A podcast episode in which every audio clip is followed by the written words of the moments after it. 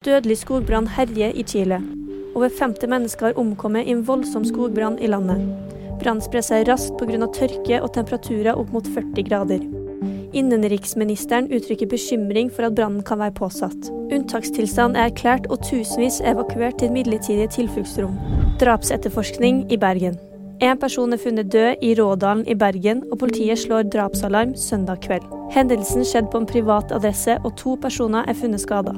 Den ene personen døde på vei til sykehuset, mens den andre, som nå er sikta, er på sykehus. Barn var til stede, men er uskadd og ivaretatt av barnevernsvakten. Og Petter Northug overrasker i Norgescupen. Han tok en sensasjonell andreplass på 7 km i Norgescupen. Landslagstrener Eirik Myhr Nossum åpner for Northug-comeback i VM neste år. Northug, som la opp i 2018, konkurrerte mot norgeseliten for første gang på fem år. Og nyhetene får du alltid hos VG.